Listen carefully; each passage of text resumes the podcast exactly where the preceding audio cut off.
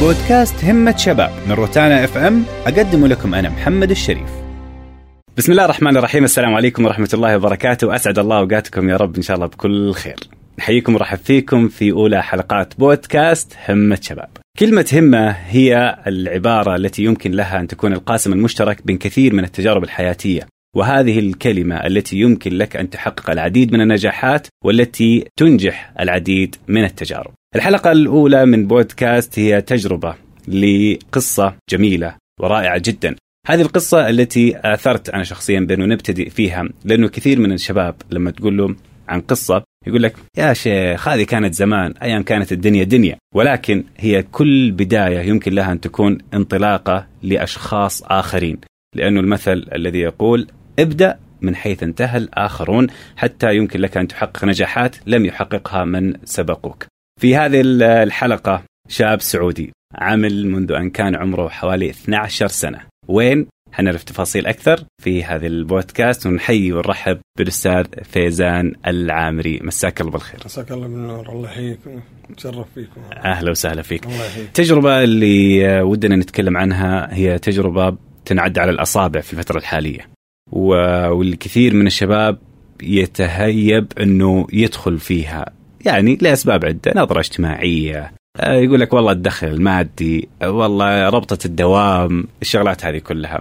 إيش اللي خلى فيزان يقول بسم الله أبدأ في ميكانيكا السيارات؟ هل هي الحاجة ولا الشغف والمهارة؟ الهواية. يعني الهواية. الهواية. هي بدايتها هواية في العمل هذا.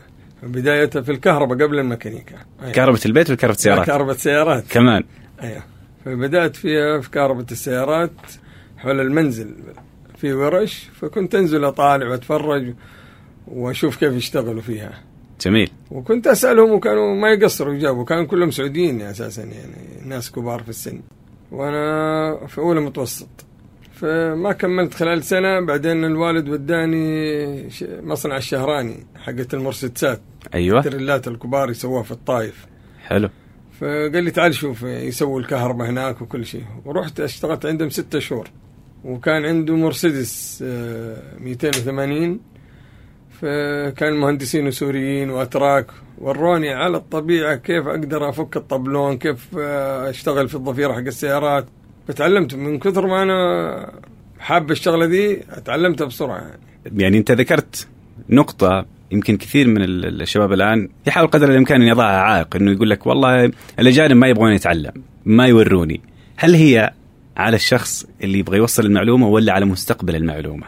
والله هي الاثنين في بعضهم زي هذا على أساس إنه صاحب المصنع مهم. فأمرهم إنهم يعلموني على كل شيء يعني الأسرار ال- اسرار المهنة. اسرار المهنة علموني اياه بكل أمانة وكل صراحة يعني.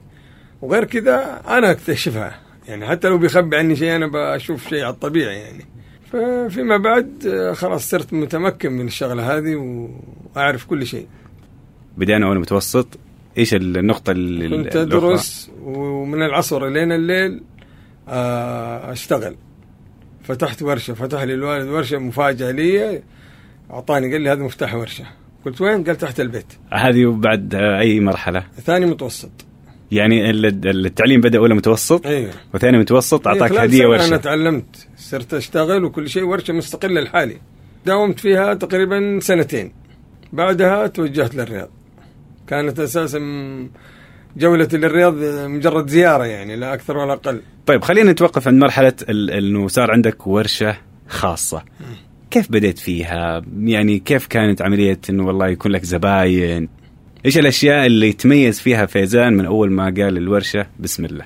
والله أكثر ما كان الشغل آه، هو تركيب آه، اسطبات آه، كشافات أنوار خارجية أخذت حق شركة الونشات اللي يركبوا سفاتي في ال- السقف. والاسطبات بواري كان هذه شغف الشباب يعني كان أدوات الزينة يعني هذه البداية حلو. بعدين عد بدأت تتطور شوية شوية كان لها دخل وقتها؟ طبعا الدخل كان مضاعف يعني الزبون يعني مثلا الشغلة تكلف مثلا 20 ريال الزبون يعطيك 40 50 ريال ليش؟ وصراحه ما أدري أحس إنهم هم يعطوك أنت لما تقول 20 آه، يستخسرها يعني إيش 20 لا أعطي له أكثر. يعني ما هل يستخسرها لأنه والله المبلغ بسيط ولا عشان لما يشوفك سعودي؟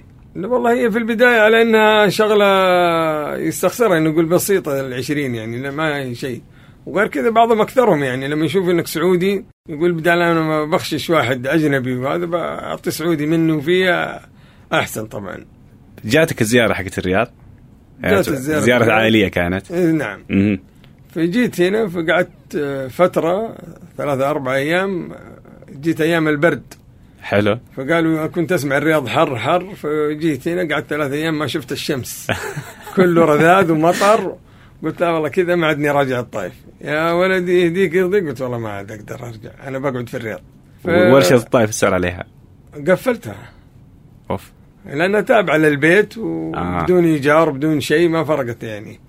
فحولت على الرياض وخالي الله يرحمه استأجر لي ورشة في خلف البحرية في حي الوزارات. مهم. فاستأجرتها وبدأت. فكان والله استقبال آه، جدا ممتاز. يعني أكثرهم آه، قدام سكن الضباط كلهم عساكر فيتفاجئ إنه واحد سعودي قاعد يشتغل ولا عندي أيامه ولا عامل.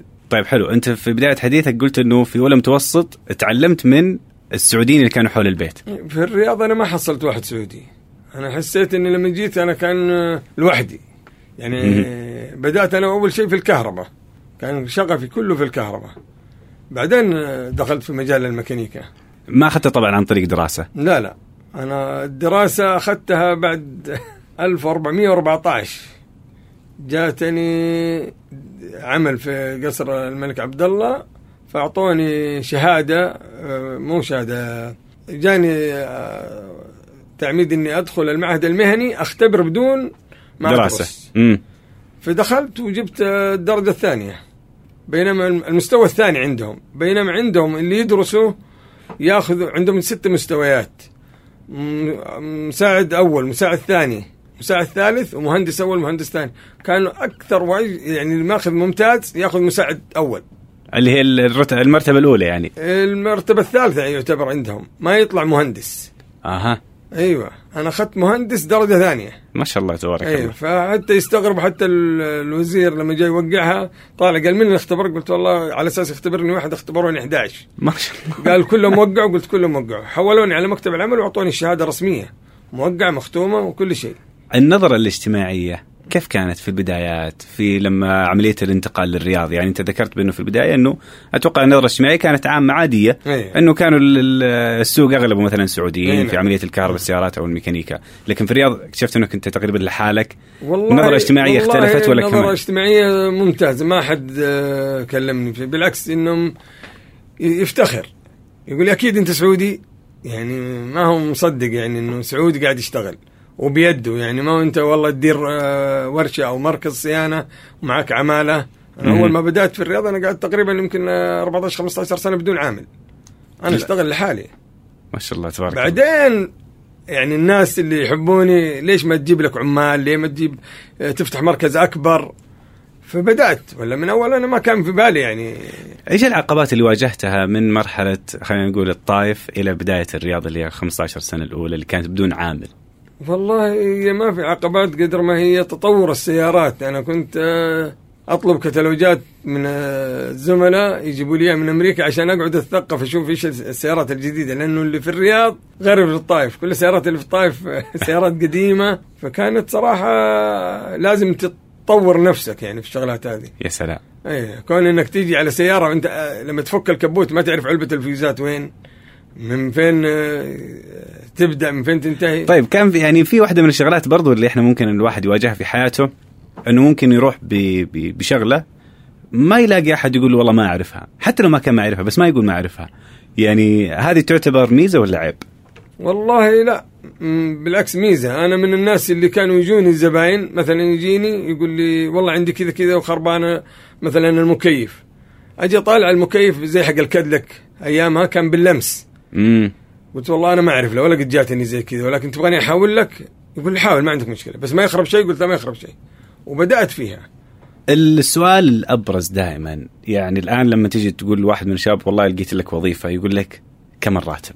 والمدخول المادي وأتوقع إنه شيء طبيعي إنه الواحد نعم. يعني يبغى يعرف كم كان المدخول المادي. يعني وقتها يمكن الناس ما حت يعني تقارن ما بين مدخول مادي كان في عام 1414 أو 1420 من المدخول المادي الآن. الأوضاع كثير اختلفت، لكن يعني ما شاء الله تبارك الله أنت كنت من اللي يصرف على البيت بالكامل، نعم. والد ووالدة الوالد و... وأخواتي ستة واثنين أولاد. ما شاء الله تبارك الله. نعم. والوالد كان طبعا عاطل على العمل من كبر السن وأنا اللي أصرف عليهم كلهم. وش موضوع الستين ألف اللي اشتريت فيها تليفون؟ والله آه، نزبة شباب يعني ما أحد كان ينصحني ولكن آه، يعني زي يعني أنت ما. شاء الله تبارك الله أنت اشتريت تليفون يعني براتب رئيس تنفيذي في شركة صاحب شركة والله الله عرض علي. وكان ما حد يعني يتخيل تلفون سيارة بستين ألف بالنسبة لي ما كان آه، يفرق معايا يعني معيش أهلي في أحسن عيشة ناقص يعني ما شاء الله تبارك الله أنت وصلت لمرحله انه 60 ألف ما تفرق معك. ما تفرق طبعا. طيب وقتها صار عندك ورشة صار عندك عمالة. نعم. تطور العمل ولا بقي كما هو ثابت؟ لا لما نقلت حي المصيف جبت عمال واشتريت الورشة وكان عليها عمالة كثير. امم فهذا اللي بدأ يطورني أكثر. يطورك من أي ناحية؟ من إنه صار بدل ما أشتغل في الكهرباء أشتغل كهرباء وميكانيكا. تحديد خراب السيارات برضو آه، شغف عندي إني أحدد بدقة. يعني ممكن تتأخر السيارة تحديد خرابه أي ورشة ممكن تحدد لك في خلال ساعة. أنا لا ممكن تأخذ معي نص يوم. بس لما أقول هذه القطعة خربانة معناته هذه القطعه خربانة. ما آه، تجي يعني تقول لي لا والله يمكن. صح يمكن صحة التشخيص. أيوه. واجهت شلليه برضو من الشغلات اللي الشباب السعودي حتى في الوظائف في الشركات يقول لك والله عشان والله مديري من الجنسية الفلانية قاعد يطفشني إلين مشاني. والله ال- عشان والله في ثلاثة أربعة من جنسية معينة فأصبحوا يضيقون علي بزيادة الشغل أو كذا ومشوني. هل كان في هذا الموضوع في الصناعية موجود؟ الموضوع الشللية انه والله عشان هذا السعودي لا تروحوا له ولا إنه سعره والله غالي؟ لا ما أنا ما صراحة ما عاشرت الصناعية يعني. نهائيا ما دخلت مزاجي. مم. ولا حبيت إني أروحها. علما ان الإيجارات كانت أرخص بكثير. ولكن ما حبيتها لكثر الورش وزحمتها فاحب استقلالية. لا يعني في على قولتهم ال- ال- المثل الدارج إنه بحثوا عن الرزق عند مزاحم الركب يعني. فإيش اللي خلى أبو محمد إنه يبعد عن لا هذا هذا المكان. والله راحة نفسية. إني كنت رحت هناك راحة نفسية. ورشة مستقلة بعيدة عن الزحمة ما في إلا أنت في الحي. يفرق كثير. طيب برضو في الموضوع ال- يعني تأثير النظرة الاجتماعية. أنت في البداية ذكرت بأنه كان في تشجيع من الناس اللي حولك. لكن هذا التشجيع اللي ممكن إحنا ممكن نشجع شخص لكن لما نيجي عند في فترات يعني حساسة نقول لا ما أرضى بالشيء هذا. اللي هو موضوع مثلا والله أبغى أزوجه حزوج ما عنده وظيفة حكومية رجال عنده ورشة مش عارف إيش فممكن يكون لها تأثيرات.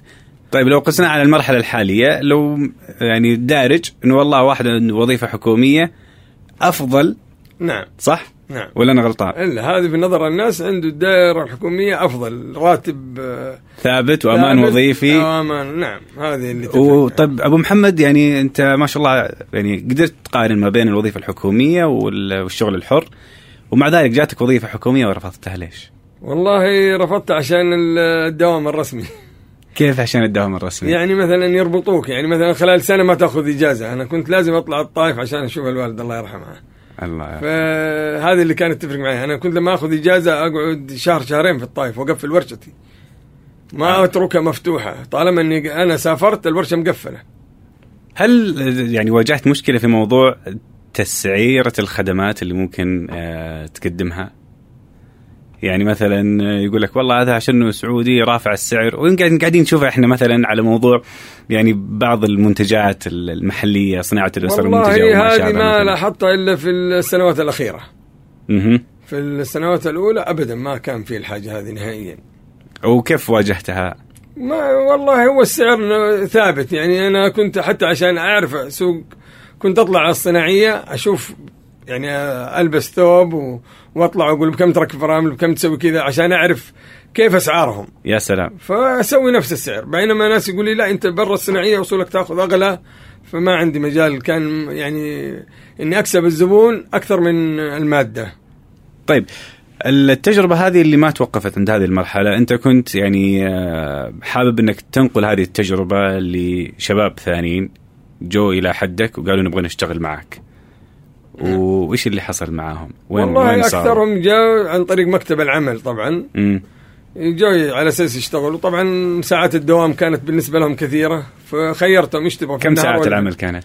والله عندي أنا 11 ساعة. فأكثرهم قالوا لا إحنا نداوم من 4 إلى 10 في الليل. حلو. يوافق. أول يوم ثاني يوم ثالث يوم يروح ما يجي. ليش؟ يبغى هو اللي يدير الورشة. ما هو ما يبغى يشتغل بيده. يستغرب لما يجي أقول له فك الكفرات سوي لي الفرامل. أحصل أغيب عنه أحصل راح نادى واحد من العمال يفك الكفرات. طيب أنت؟ قال لي تبغاني أنا أفكها.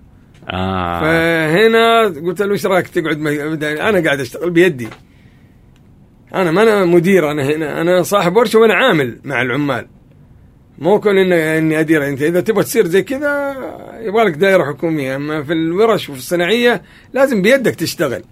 طيب كان في لك رحلة لأمريكا. هذه على أساس رحت كنت أبغى أشوف آه، طريقة التعديل حق السيارات. كنت بدال ما أدخل في مجال الكهرباء أدخل في تعديل السيارات. جميل.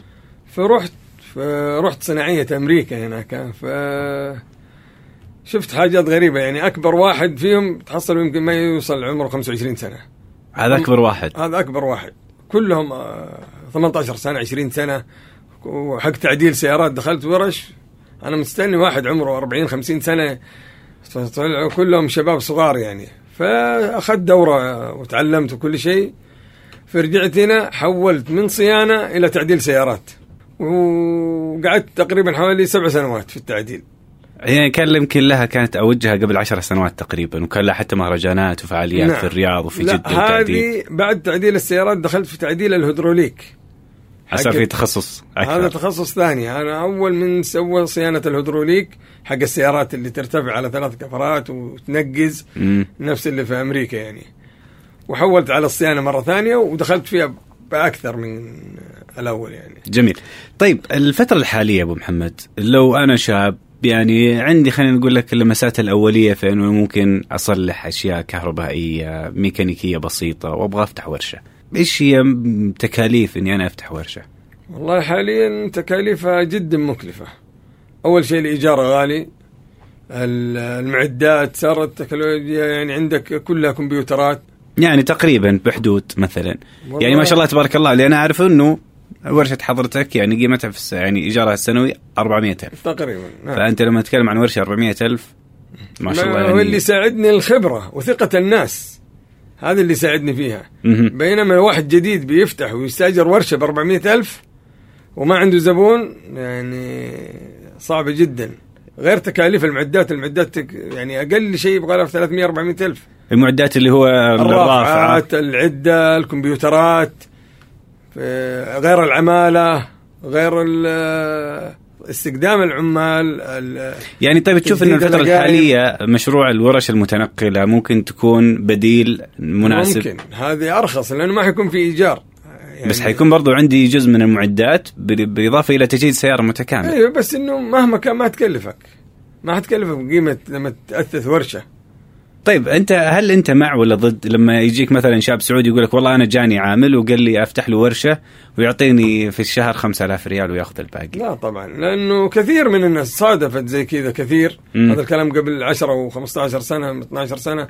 أكثرهم كانوا يسووا زي كذا وجات منه مشاكل. لما يسوي مشكلة مثلا يوظف ماكينة وخربت الماكينة حق مثلا مرسيدس. تكلف الماكينة 10 15000 تحصل العامل ترك الورشة وشرد.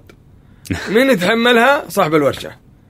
أروح ادفع 15000 فيتحملها حصل اليوم الثاني عرض ورشته للبيع. اساله إيش فيك؟ قال والله سوالي وسوالي وغشني في سيارة واضطريت أدفعها. فيقفلوا الورش. موضوع الغش.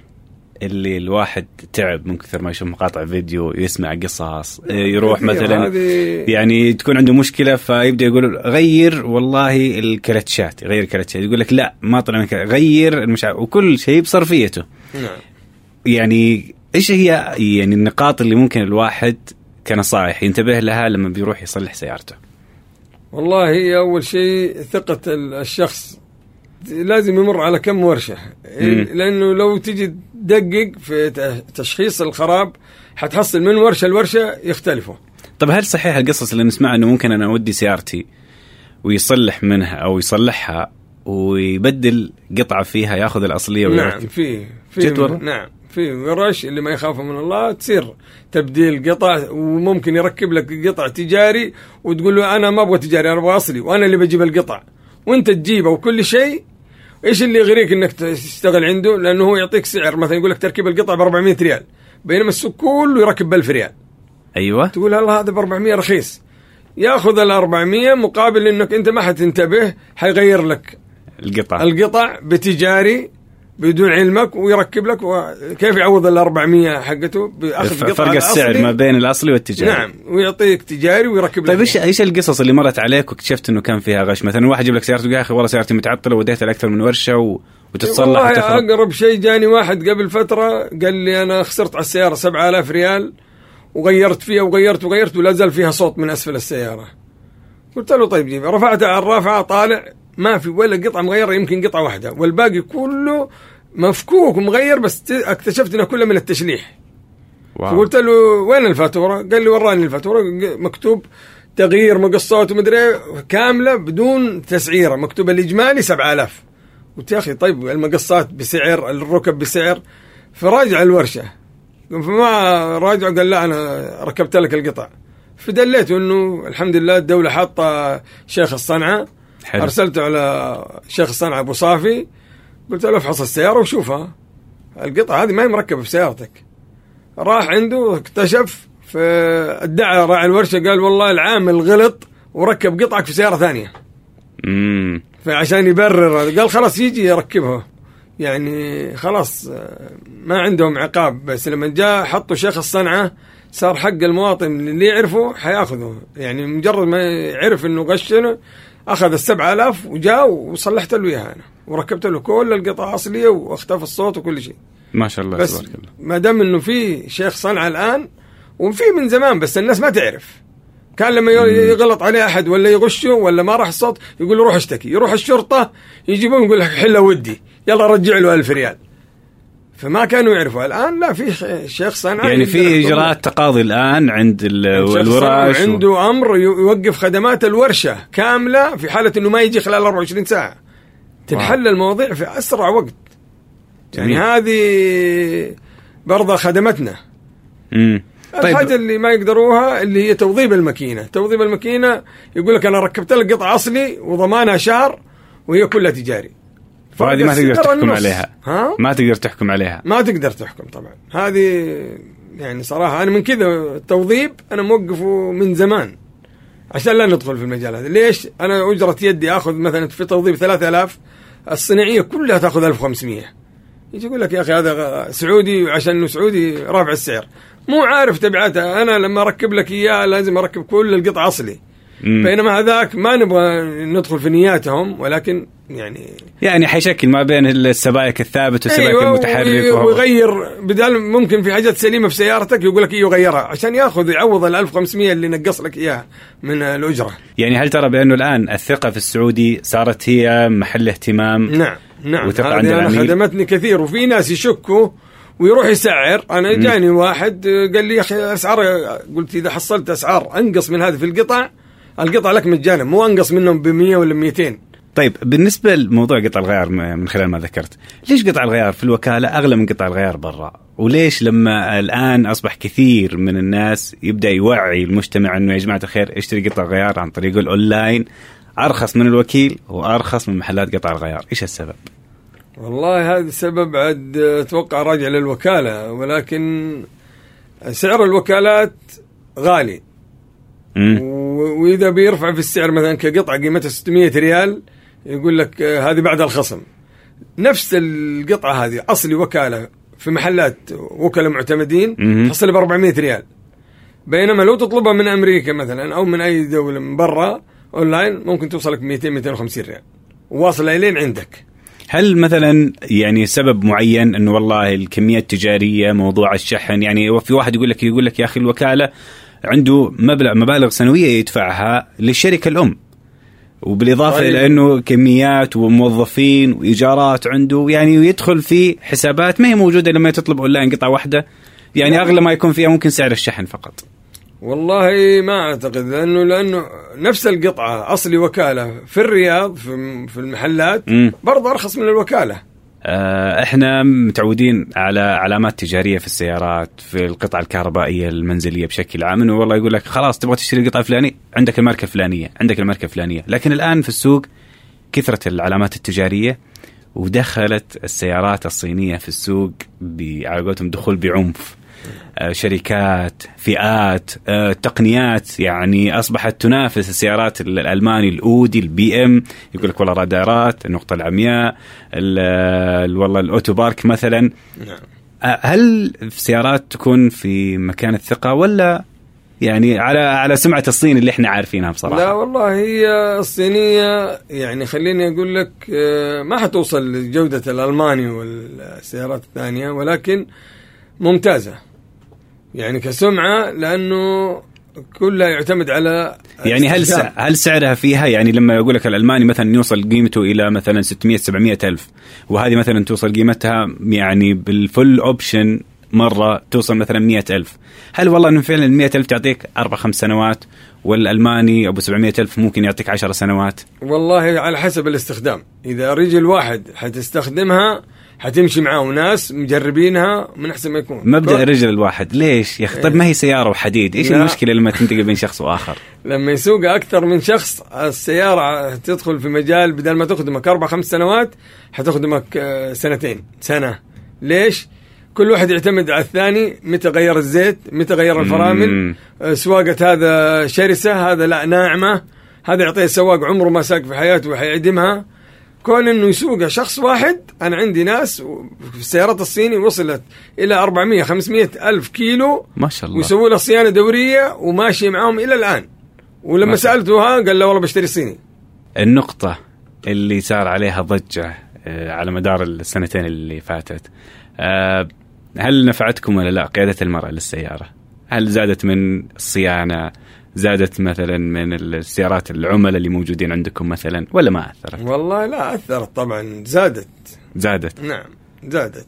زادت أق- يعني بدون مبالغة يمكن أكثر من 30% واو. إي نعم. آه، نصيحتك للشباب السعودي إنه يدخل في مجال المهن اليدوية ميكانيكا كهرباء سيارات.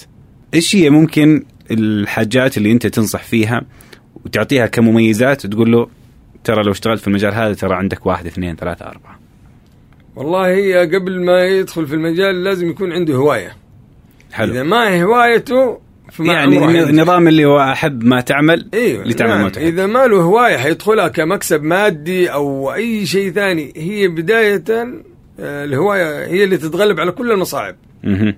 بغض النظر عن أي شيء كان. يعني لازم ما تغفل عن أي حاجة. هي زي المذاكرة في عملنا. يعني كل سيارات جديدة بتيجي لازم تطلع عليها أول بأول. تجربة جديرة بالاحترام والتقدير و...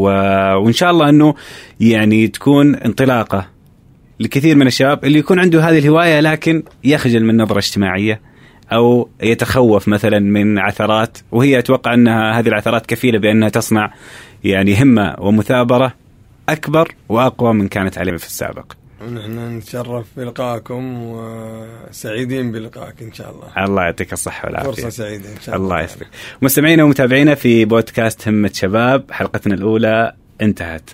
ارجعوا اسمعوها من جديد ركزوا فيها فيها الكثير من النجاحات فيها الكثير من النقاط التي يمكن لها أن تكون بداية لكل شخص صاحب همة. همة شباب بودكاست أستضيف فيه شباب وبنات المملكة. اللي تميزوا بطموحهم وإصرارهم على النجاح بعد اختيارهم لأعمال ما اعتاد شبابنا ممارستها. نتحدث معهم عن البدايات عن المصاعب اللي واجهتهم وعن المحفز الأول لاستمرارهم ونجاحهم. هذا بودكاست همة شباب من روتانا إف إم أقدم لكم أنا محمد الشريف.